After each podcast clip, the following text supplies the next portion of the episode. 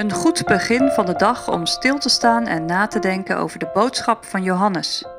Mooi dat je luistert. Deze week met Gertjan van de Jacht.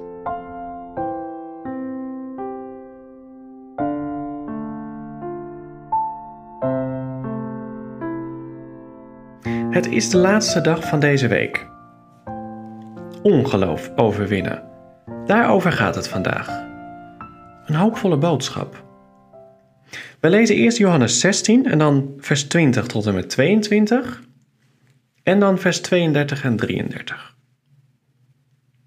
Voorwaar, voorwaar, ik zeg u, dat gij zult schreien en klagelijk wenen, maar de wereld zal zich verblijden. En gij zult bedroefd zijn, maar uw droefheid zal tot blijdschap worden. Een vrouw, wanneer zij baard heeft, droefheid, terwijl hij uren gekomen is. Maar wanneer zij het kinderke gebaard heeft, zo gedenkt zij de benauwdheid niet meer om de blijdschap dat een mens ter wereld geboren is. Gij dan hebt nu wel droefheid. Maar ik zal u wederom zien, en uw hart zal zich verblijden, en niemand zal uw blijdschap van u wegnemen. Zie, de uren komt en is nu gekomen dat gij zult verstrooid worden, en iegelijk naar het zijne, en gij mij alleen zult laten. En nochtans ben ik niet alleen, want de Vader is met mij. Deze dingen heb ik tot u gesproken, opdat gij in mij vrede hebt. In de wereld zult gij verdrukking hebben. Maar heb goede moed. Ik heb de wereld overwonnen.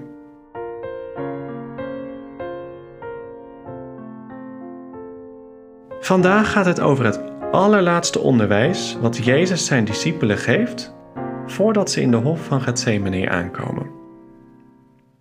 Misschien vond je het onderwijs van de Heer Jezus wel moeilijk. Weet je, de discipelen begrepen er eigenlijk ook niet veel van. Jezus herhaalde zijn boodschap zonder het hen te verwijten. En dat doet hij nog. Zodat ook jij er steeds iets meer van kunt begrijpen. De boodschap dat Jezus van hen weggaat, maakt de discipelen verdrietig.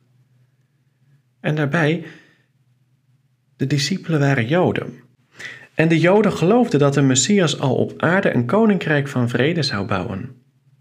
Hoe kon hij dan weggaan? Ze zijn verdrietig. En dat zal straks als Jezus sterft nog veel erger zijn. Terwijl de wereld zich juist zal verblijden als hij weg is. Zij denken dat ze met hem afgerekend hebben. En dat zal hem blij maken. Maar uw droefheid zal tot blijdschap worden. De wereld heeft niet het laatste woord. Hij zal opstaan en terwijl de discipelen bedroefd zijn, zal hij bij hen komen en zullen ze weer blij worden. Nee, nu zien ze dat nog niet. Maar later, bij de hemelvaart, lezen we dat de discipelen verblijd zijn. En denk ook eens aan de Emmausgangers.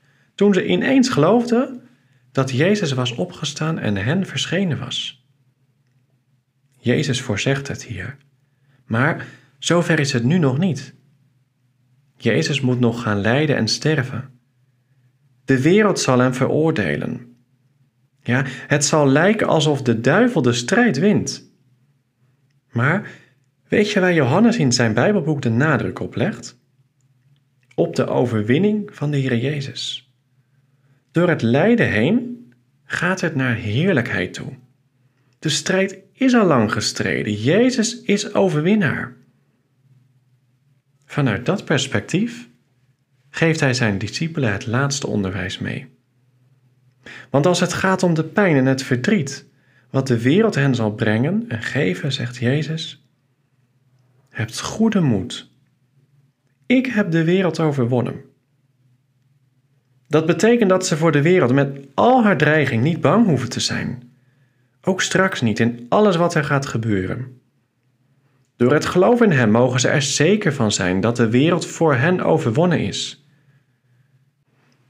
Nog even en de discipelen slaan op de vlucht. Uit alles zal blijken dat zij als mensen falen. En ondanks dat de Heer Jezus dit wist, heeft Hij hier hun vrede op het oog. Daarom heeft hij tot hen gesproken. Die vrede zullen ze in hem vinden als ze zijn woorden in gedachten houden.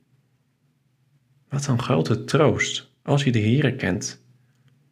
Je hoeft niet zelf te strijden, maar God zal het doen. Hij heeft de wereld overwonnen. Je hebt deze week gehoord over Jezus als de ware wijnstok. Over zijn liefde. De haat die hij oproept. De Heilige Geest. En vandaag over zijn overwinning. Deze podcast is er om jouw hart te bereiken met Gods woord. Bid om Gods geest in jouw hart. Dan wijst Hij je de weg. Twijfel daar niet aan.